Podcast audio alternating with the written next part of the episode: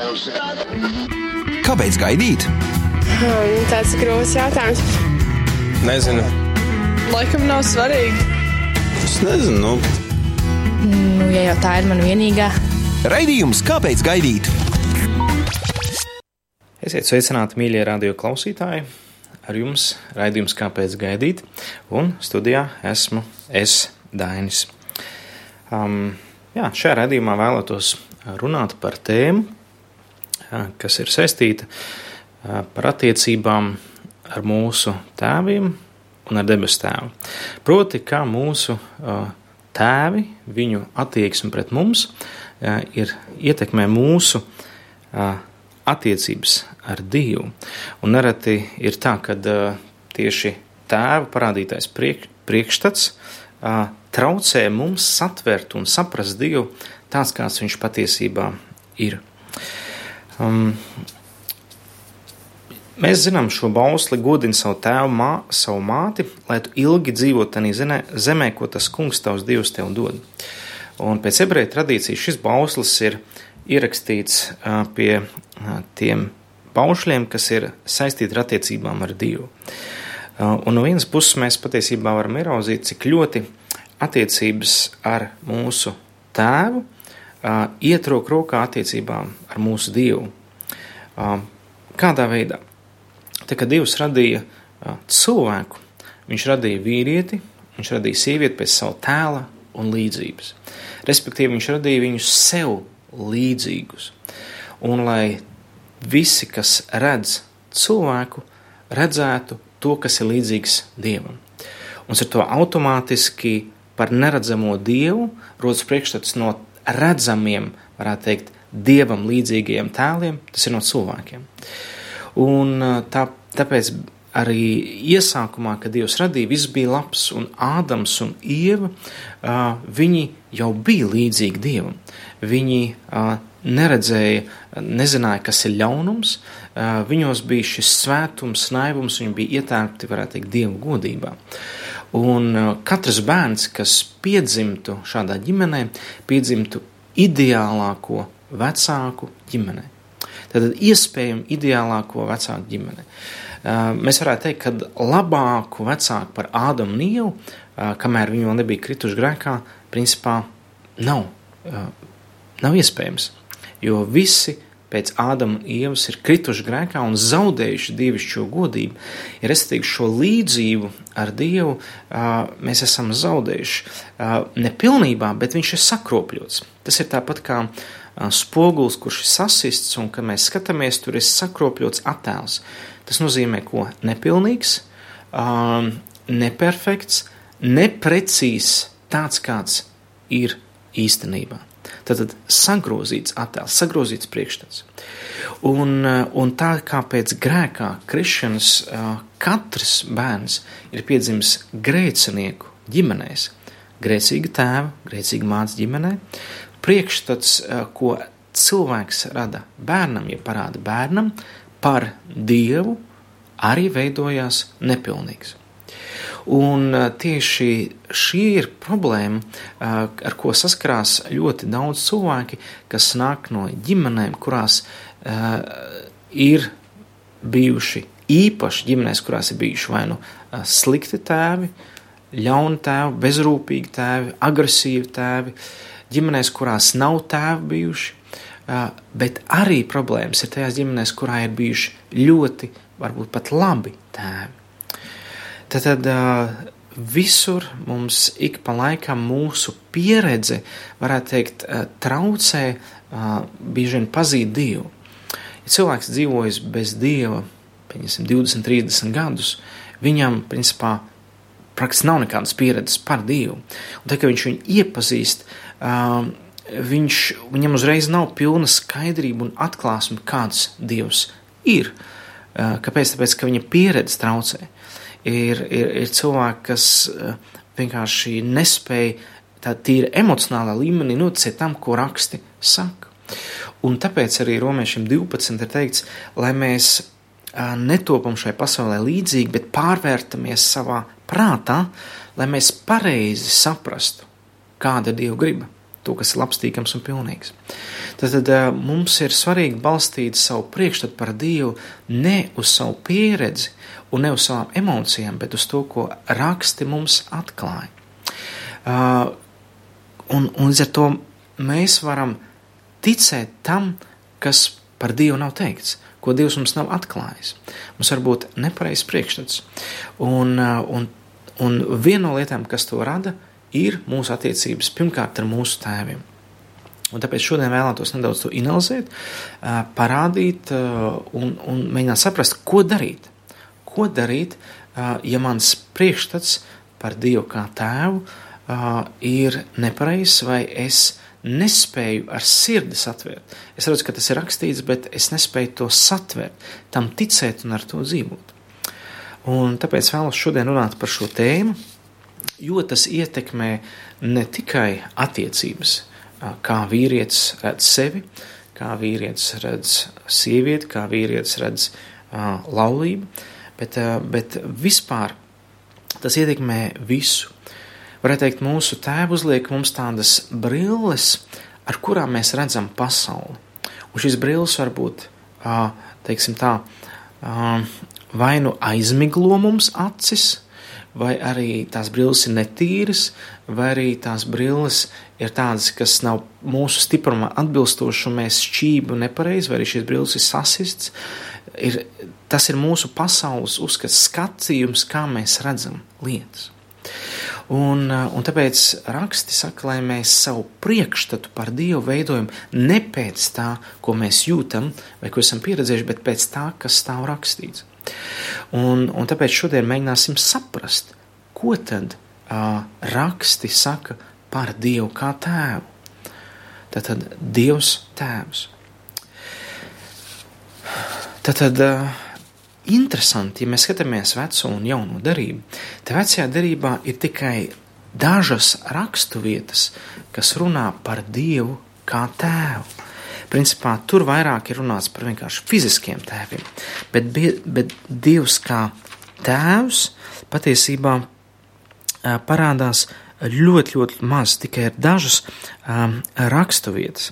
Un pirmo reizi uh, vecajā derībā tas parādās pirmā laika grāmatā 22.10, kur Dievs dod apsolījumu Dāvidam par Salmanu, sakot, ka viņš būs mans dēls un es būšu viņa tēvs.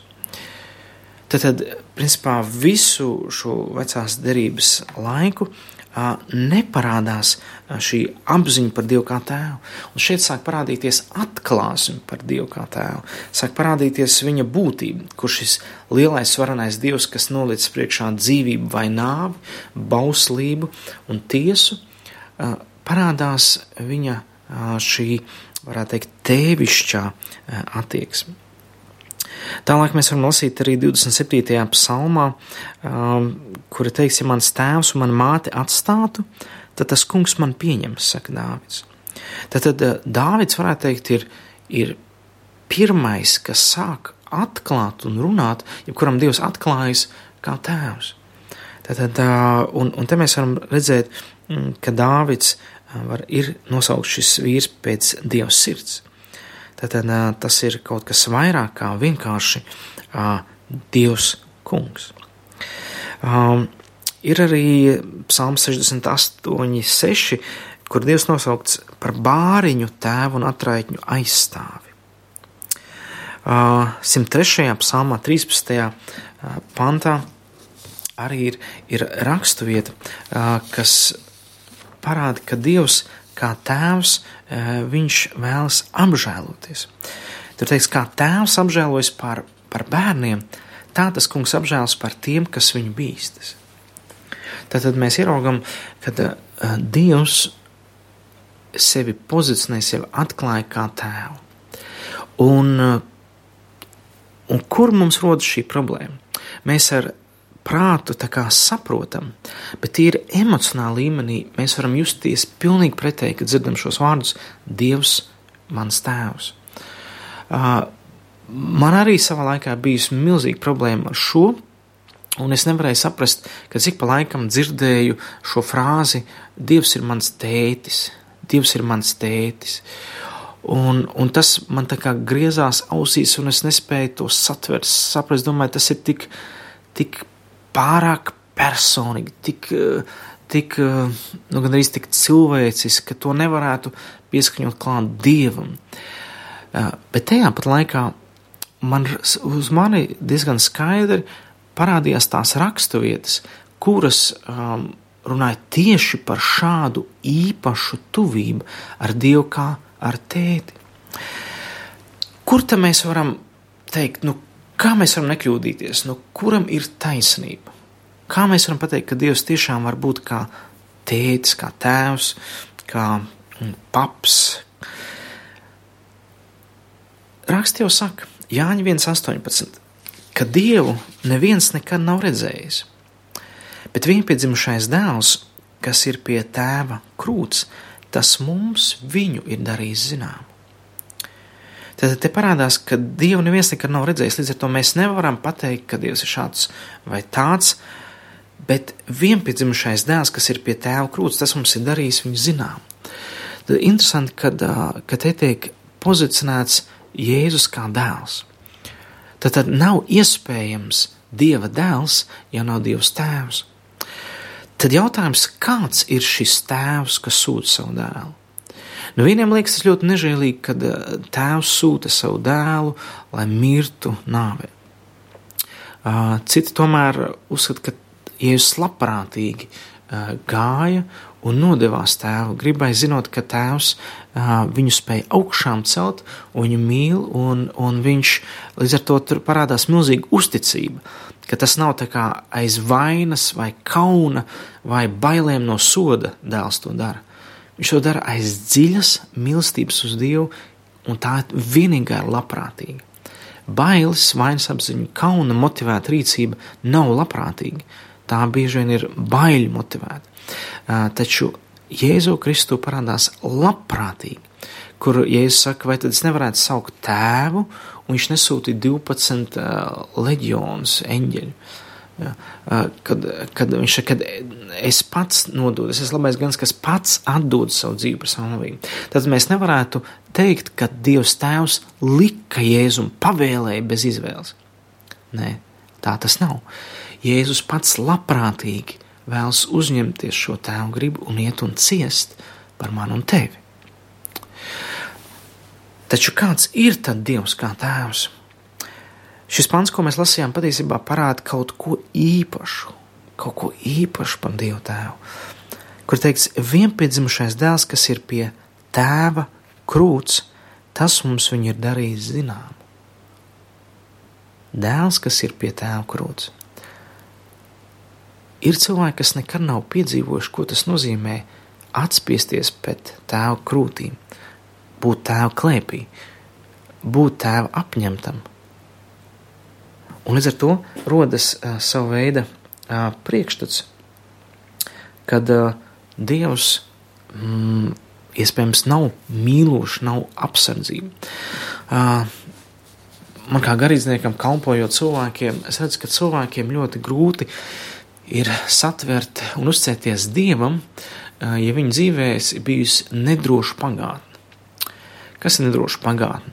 Pagātne, kurā pieredze un cilvēks eh, pieredz bailes, eh, nedrošību, īpaši tēvs ir alkoholiķis bijis, tēvs ir bijis vardarbīgs, tēvs ir pret bērniem, kur drīzāk miers ir tikai tad, kad aiziet prom no mājām, kad atnāk mājās.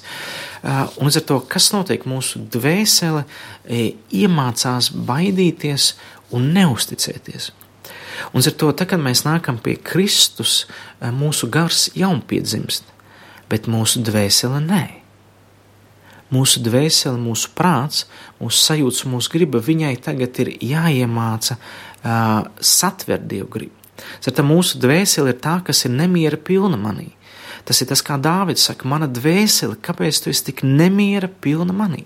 Tas nozīmē, ka mūsu gars sāk saņemt atklāsmi no Dieva, kurš sāk mācīt mūsu dvēselē. Un kā tad mēs atjaunojamies savā prātā? Mēs atjaunojamies savā dvēselē, mūsu saprašanā. Pāvils saka, es lūdzu, lai jums Dievs Tēvs dod atklāsmes garu, lai jūs saprast, ieraudzīt, cik liels ir viņa aicinājums un kāda ir viņa mīlestība. Tas nozīmē, ka mūsu dvēsele nav atzimusi tādā ziņā, ka viņa automātiski kļūst jauna.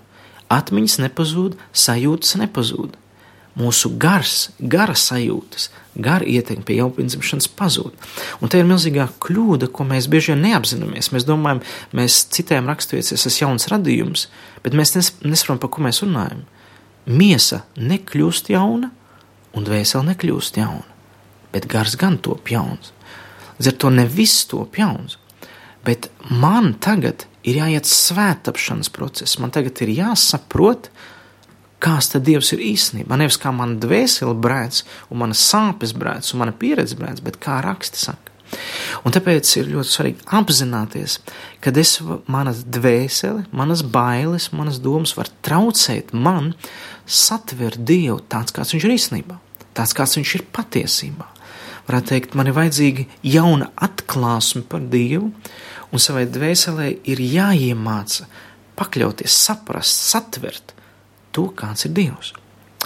Un, un līdz ar to raksti saka, ka Dievs Tēvs ir jēsturējis klēpī. Un šis vienpiedzimušais dēls, kas bijis tēva klēpī, tas ir sūtīts, lai mums atklātu, kāds ir tēvs, ka tas ir tēvs, kas ir gatavs bērnus paņemt klēpī. Tad, tad mēs varam, mums var būt sajūta līmenī domas, kad debes tēvs nav mīlošs un nav pasargājošs. Tā nav patiesība. Divvārds tā nesaka. Tā saka mūsu sajūtas un pieredze. Un ar to, kas mums notiek, mums ir problēma. Un mums jāiet pie problēmas saknes. Un kur ir problēmas sakne? Mūsu attiecības ar mūsu tēviem. Kā šo problēmu atrisināt? Ir atdot Dievam, ja tur ir sāpes, ja tur ir vajadzīga atdošana, mēs atdodam Dievam sāpes. Mēs piedodam saviem tēviem par to, ko viņi darīja, vai to, ko viņi nedarīja, ko viņiem vajadzēja darīt. Ka varētu teikt, viņiem ir parāds, viņi mūsu parādnieki. Un te nav nekāda sakara ar cieņu vai necieņu pret vecākiem. Te ir sakars ar atzīt patiesību. Ja mēs atzīstam patiesību, tad patiesība dara mūs brīvus. Un ar to tur nav nekāda sakara ar cieņu vai necieņu pret vecākiem. Tur ir atzīt esošo stāvokli. Kāpēc mana sirds reaģē uz Dievu vārdu nepareizi? Un līdz ar to šajā gadījumā, kas ļoti ir palīdzējis daudziem cilvēkiem, kas palīdzējis man, ir atzīt patiesību, jā, Tēvs. Dievs Tēvs man ir pietrūcis tāda pieredze ar manu fizisko tēvu. Es atzīstu, ka man tādas pieredzes nav, un es nezinu, ko tas nozīmē sēdēt mierā, drošībā, tēva klēpī. Un līdz ar to mums ir svarīgi atteikties no šiem meliem, ko vēlams izmanto šo mūsu pagātni, lai tagad apsūdzētu tēvu mūsu sirdīs. Mums ir ar prieku jāpieņem patiesība. Mums ir jā, jānomaina meli ar patiesību. Mums ir jāsatver to, kas tā rakstīts, ka tēvs, kas sūtīs savu dēlu, mūs mīl, ka viņš grib mūsu sirdis dzirdināt. Viņš grib, lai mēs viņu priekšā klusinam savus sirdis, zinot to, kāds viņš ir. Ko vēl rakstā atklāja? Kāds ir Dievs kā tēvs? Uh, Mateja 11, 25. Uh, Ja es iesāku runāt un sacīju, es tev pateicos, Tēvs, debes un zemes kungs, ka tu šīs lietas apslēpsi gudriem prātniekiem, tās es zināms darījis bērniem. Patiesi, Tēvs, jo tā tavs labais prāts ir noticis tavā priekšā. Visas lietas man ir mana tēva nodotas, un neviens nepazīst dēlu kā vien tēvs, un neviens nepazīst tēvu kā vien dēls, un kam dēls to grib darīt zinām. Mēs ieraugam daudz interesantas nianses. Pirmkārt, ja es nosaucu Dievs, tātad tēvs, debes un zemes kungs, un mēs ieraugam mūsu tēvā, debes tēvā, dubulto identitāti. Restīvi, viņš nav tikai mūsu debes tēvs, viņš arī ir debesu un zemes kungs. Un nereti mums mēs starp divām tādām šīm identitātēm kaut kur klejojam un nesatveram abas vienlaicīgi. Respektīvi, mūsu debesu tēvs, kas mūs radīs un kas mūs mīl, vienlaicīgi ir zemes kungs un debesu kungs un valdnieks un ķēniņš. Tad, mums ir, varētu teikt, tuvas attiecības ar Dievu. Bet tajā laikā mums ir arī stipras darba attiecības ar Dievu, kā ar kungu. Un bieži vien mēs nemākam viņus savienot. Mēs, ja padomu laikā bija ļoti izteikts šis bērnu kunga attiecības, kalpošanas attiecības ar Dievu Tēvu, kas varētu būt līdzinās tā kā vecākajam dēlam, kurš kalpoja un, un varētu teikt, neatļāvās neko vairāk kā tikai kalpot savam tēvam. Tad šis laikmets atkal vairāk vēlas nevis turēties vienkārši pie šīs pozīcijas, bet prasās kaut personiskāk pieeja, jeb attiecības ar Dievu. Un līdz ar to ir, ir atkal aiziet otra puse, kas ir, tā, padomu laika kristietībā daudz kur pie, pie teiksim tā, iztrūkus, par to nav tik daudz runāts, tad šī ir tā otrā sadaļa par Dievu kā tēvu. Un ar to noteikti tie, kas ir padomlaika kristieši, viņiem saukt Dievu par tēti ir daudz sarežģītāk un grūtāk nekā tiem, kas ir auguši, piedzimuši, varētu teikt, brīvā Latvijā, vai, vai kuri ir satvēruši šo divbērnības pusi. Līdz ar to varbūt otra galība, ka Dievs kļūst tik personisks, tik tūs tādā ziņā, ka mm, es varu viņam neklausīt viņš tāpat man piedos. Viņš ir tas žēlstības pilns. Bet atkal tad ir jāizdzēš ārā tā rindiņa ebreju vēstulē, kur teikts, tos, kurus Dievs mīl, tos viņš pārmāca un nopērs katru bērnu, ko viņš mīl. Šeit parādās Dieva šie abi aspekti, kas Dievā tēvā ir. Tad tur ir milzīga žēlstība, mīlestība, bet tajā laikā ir taisnīgums, stingrīgums, svētums. Un ar to katrs bērns, kas iziet ārpus viņa svētuma rāmjiem, Dievs savā mīlestībā, viņš tik ļoti mīl viņu, ka ir gatavs nopērt. Skan pilnīgi neloģiski, bet tas ir tas, ko šī raksturvieta saka. Un, un, protams, tā pēršana ir, ir nu, mēs saprotam, garīgā nozīmē. Pēkšņi neparādās pātaga no debesīm un bums pa muguru. Nē, bet ir apstākļi, ar kuriem Dievs parāda mūsu kļūdas, Viņš ļauj piedzīvot mūsu grēku sekas, lai mēs mācītos paklausīt garu tēvam, lai beigās nestu taisnības miera augli. Ka mēs iemācāmies vienkārši dzīvot, varētu teikt, pēc Dieva tēva ētikas kodeksa sadzīvot saskaņā ar viņa vārdu un gribu. Līdz ar to tikai tad, kad mēs spējam abas šīs puses, Dievu kungu un Dievu tēvu mīlošo, salikt vienā personībā, mums sāk rasties labs priekšstats par Dievu. Jo kur ir otra problēma? Kur ir problēma ar ļoti labu, mīļu, jauku tēvu? Tur pazūd šis stingrības raksturs kur nekad nav bijusi bērnībā disciplinēšana, kur nekad nav prasīts no bērna, bērns ir izlutināts, viņam arī ir nepareizs priekšstats par Dievu kā tēvu. Un viņš domā, ka viņš var atļauties jebko, un viņš var darīt, ko viņš vēlas, un Dievs jau viņu tāpat mīl un, un, un, un nesodīs. Un viņš atkal aiziet nepareizā virzienā, jo šāds bērns, varētu teikt, aptraipa tēva godu. Šāds bērns ir apbēdina svēto garu. Viņā ir tik daudz miesīguma, kad viņš nav efektīvs Dievs valstībā. Zato viņš nav gatavs veltīt visu savu dzīvi Dievam tēvam un strādāt Dieva tēva, varētu teikt, uzdevumā. Līdz ar to viņam ērtāk ir sēdēt uh, internetā, ērtāk ir kārtot dzīvi pēc savu prāta, un, jo viņš pats ir sev kungs. Līdz ar to arī vajadzētu atteikties no nepareizā priekšstata. Ja tēvs ir bijis lutinātājs, tēvs nav bijis ar šo stingrību, ja viņš nav bijis, varētu teikt, kungs, jeb galva savā ģimenē, ir jāpiedod šādam tēvam par to, ka viņš neparādīja pareizu priekšstatu par Dievu tēvu, kā arī debesu un zemes kungu. Uz ar to mēs un bērni, kas aug šajā paudzē, viņi sastopās tieši ar šo galējumu, ar šo problēmu, ka vairs nav bijības no Dieva tēva, no Dieva kā kunga. Un tāpēc ir svarīgi apzināties abus grāvis, Ka nevar būt, ka Dievs ir tikai tāds kungs, no kur visu laiku bīsties, un, un ka Dievs ir tik mīļošs un labs, ka nu, viņš jau neko sliktu nepateiks. Šie abi savienojas vienā. Tad mēs varam uzdot jautājumu, vai tad Jēzu mēs to redzam? Mēs to, protams, ka Jēzu redzam. Mēs redzam, ka Jēzus vārdi, varētu teikt, izaicināja mācekļus. Mēs redzam, vienā brīdī Jēzus Pēterim saka, tu esi uz Pēters, tu esi klints, jeb tu esi akmens, un uz šīs klints es celšu savu draugu. Un dažs pants vēlāk viņš saka, atkāpies no manas sātana, jo tu domā tā, kā cilvēks domā.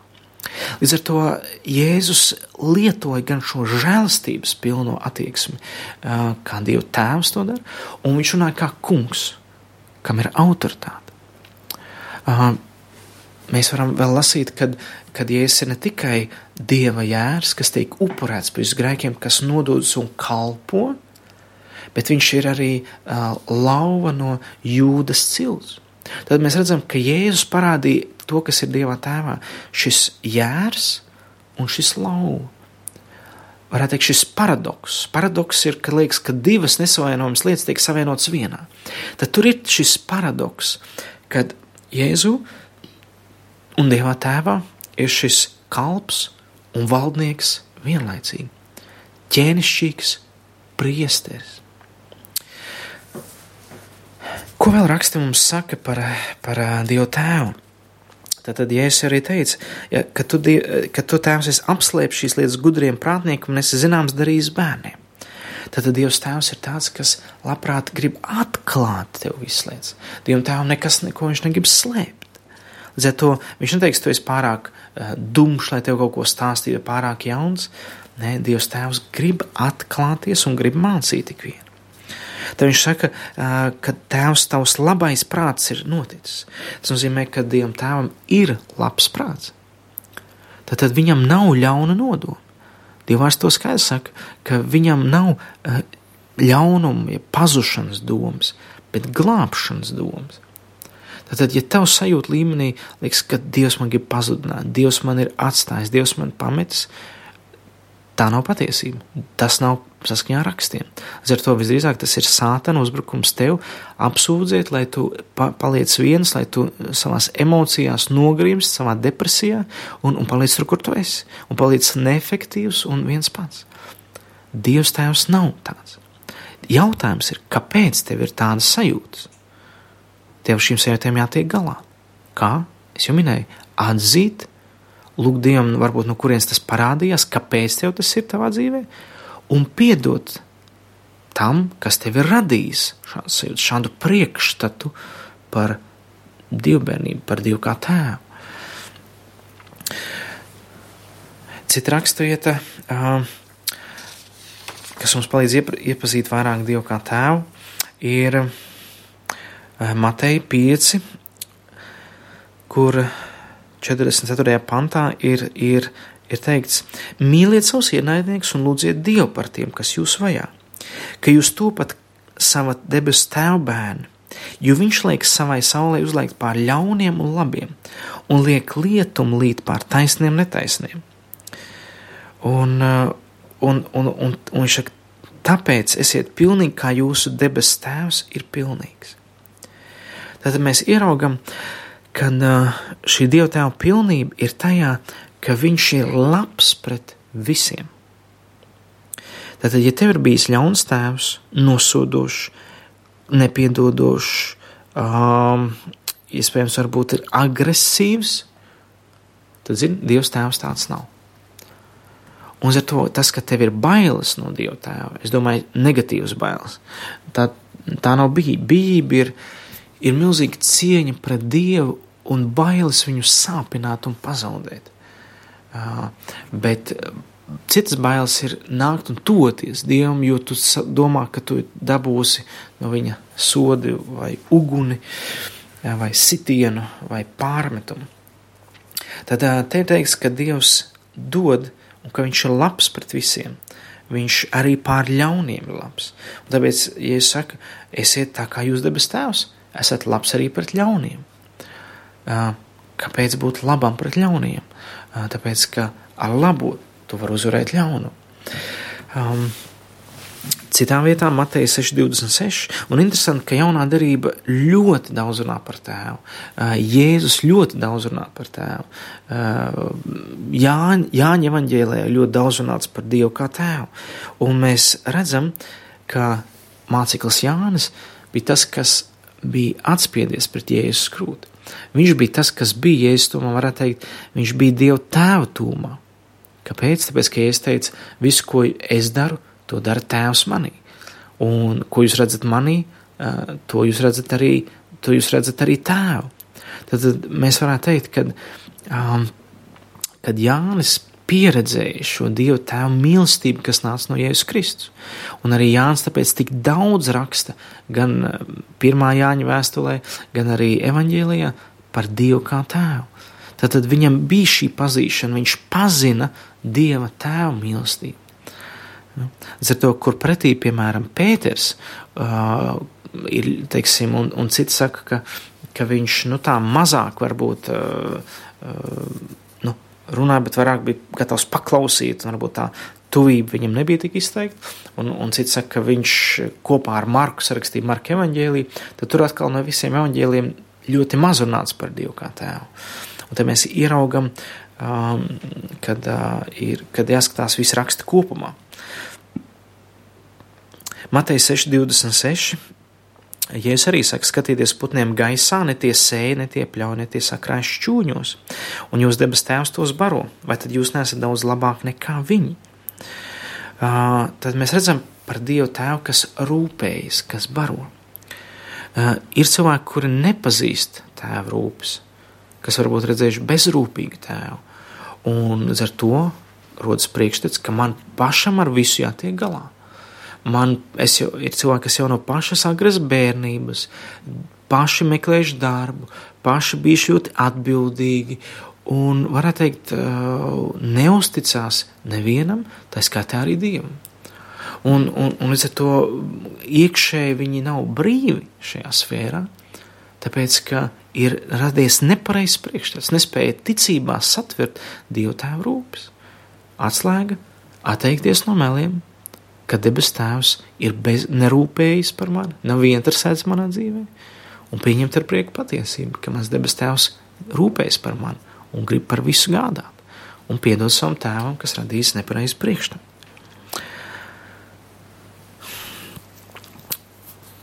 Tāpat arī um,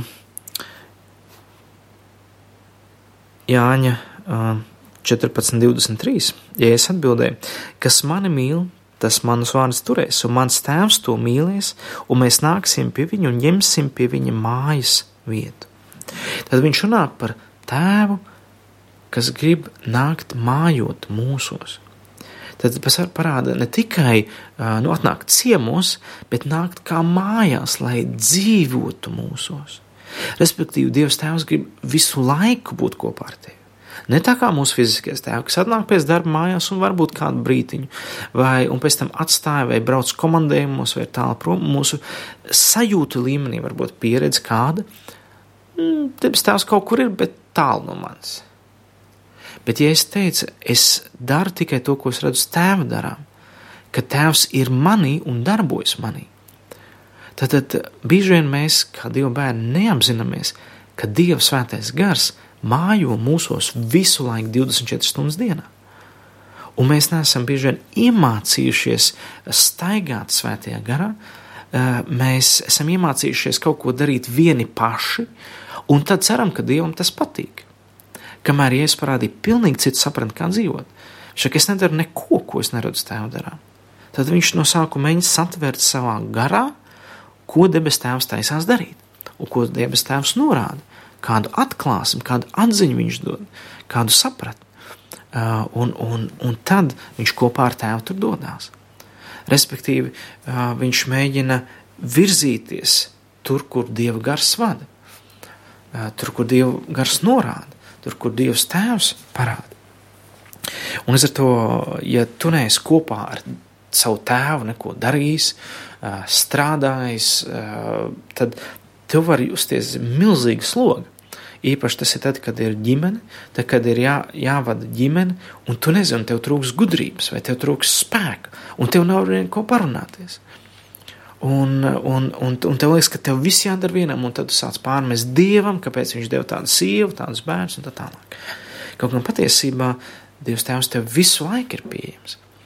Un viņš vēlas, lai tu iepazīsti viņu kā tēvu, kas kopā ar tevi grib darīt lietas, kas grib tev parādīt, kas grib tev atklāt, kas grib mājot tevi, tavā sirdī.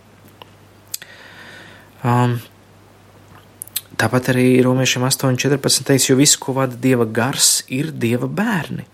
Jo jūs nesat saņēmuši verdzības garu, lai atkal kristu bailēs, bet jūs esat saņēmuši dievbērnības garu, kas mums liek saukt aba tēvs, jeb tēti. Šis vārds aba nozīmē no aramiešu valodas tētis, ja, ebreju valodā tētis. Tātad tas ir, principā, svētais gars mums liek vārdus mutē, jo viņa gars mūsos liek saukt tēti. Mūsu dvēseli sauc kungs, kungs, kungs, kungs. Jā, jā, viņš ir kungs, bet Dieva gars sauc mūsos tēvs, tēti. Un es patiesībā saku, ja jūs netopat kā bērni, tad jūs nevarat nākt debes valstībā. Ja jūs, jūs varat teikt, kungs, kungs, bet nedarāt, ko es jums saku. Tad, tad uh, nepietiek tikai. Uh, Nu, nu, protams, ka pietiek tādā ziņā, uz debesīm mēs ejam, uh, savu kungu. Bet, bet, ja mēs gribam pilnīgāk saprast, kāda ir Dieva griba, to, kas ir labstīgams, pilnīgs, mums vajadzīga šī atklāsme par Dievu kā tēvu, kā tēti. Un jo tas piesaista tu emocionāli. Kungs vairāk nepiesaista tik ļoti emocionāli. Jo emociju līmenī kungs mums ir kaut kas tāds svešs mūsu miesai nepatīkams. Uh, bet, uh, lai emocionāli piesa būtu piesaistīts Dievam, ir, ir vajadzīgs saprast uh, Dieva vārdu atklāsmi par Dievu kā tēti, kā Dievu, kas ir mans tēvs, kas visu laiku ir ar mani. Um, Uz to ja mūsu problēmas ar mūsu tēviem var būt, ka mums rodas priekšstats, ka Dievs tēvs var būt vienaldzīgs un par mani neinteresējas, jo mūsu vecāki tādi bijuši, vai nejūtīgs, kad Dievam vienalga par mani, varbūt bargs un prasīgs, jo mēs varam būt, dzīvojuši ģimenē, kur ir bargas prasības. Varētu būt sajūta, ka mums ir pasīvs un vēss Dievs, kurš, nu, nu pilnīgi viņam, varētu teikt, vienalga.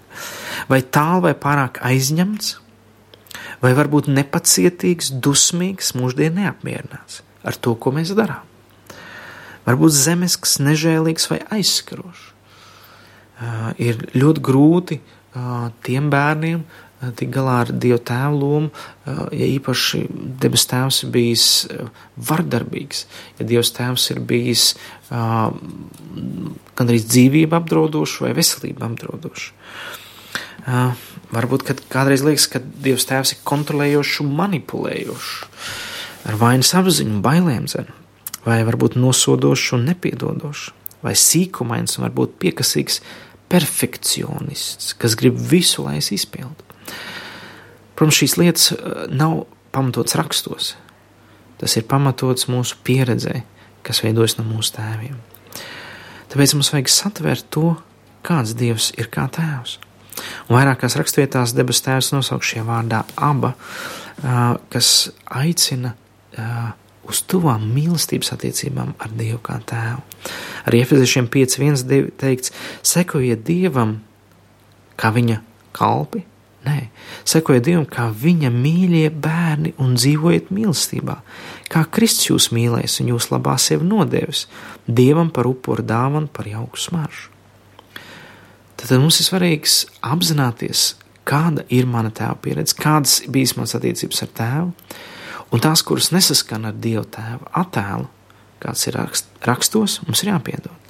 Mums jāatzīst to, tas nepreizais priekšstats, un uh, jāpiedod savam tēvam par tām rīcībām, kas mums tīri sajūta līmenī liek tā justies, un atteikties no šiem meliem un pasludināt patiesību ka mans Dievs Tēvs ir tuvs draugs. Viņš vēlas būt iesaistīts manā dzīvē, viņš ir laipns un līdzjūtīgs. Viņš pieņem mani un ir pilns prieka. Viņš, ir, viņš nāk un vēlas mums pieķerties. Viņš grib būt ar mums, viņš ir pacietīgs un lēns dusmās, viņš ir lēmprātīgs un aizsargājošs. Viņš ir uzticams un no viņa rokas neviens neizraus. Viņš ir pilns žēlstības un žēlsirdības. Viņš ir labsirdīgs un piedodošs. Un viņš rūpējas par mums un atklāja nākamās lietas. Mums vajag satvert to. Un, un, un ar to, ja kaut kas no šī ir uzrunājis sīkāk, arī var lasīt, ir tāds Nila Andersona grāmata Brīvība Kristu, kur viņš arī runā kādā nodaļā par Dievu tēvu mīlestību. Un var atrast arī kristīgajās literatūras veikalos Brīvība Kristu materiāls Nils Andersons. Bet, ja kaut kas no šī ir uzrunājis, un, un kaut kas tev pacēla sāpes, nāc Dievu priekšā, atdod Dievam šīs sāpes, piedod savam tēvam, piedod savai mātei, un, un, un, un ļauj svētam garam vest un atklāt to, kāds Dievs tēvs ir patiesībā. Un lai Dievs tev palīdz iet un piedzīvot brīvību uh, un mieru, ko atnes viņa mīlestība, viņa svētais gars. Šis bija rādījums, kāpēc gaidīt. Paldies, ka klausījāties, lai Dievs, ja Dievs dos, tiksimies atkal pēc nedēļas. Labvakar! Šis bija raidījums, kāpēc gaidīt. Klausies to katru otrdienu, pulksten 18,5 minūtēs Latvijas kristīgā radio ēterā vai arī jebkurā tevērtā laikā internetā www.īsta mīlestība gaida LV.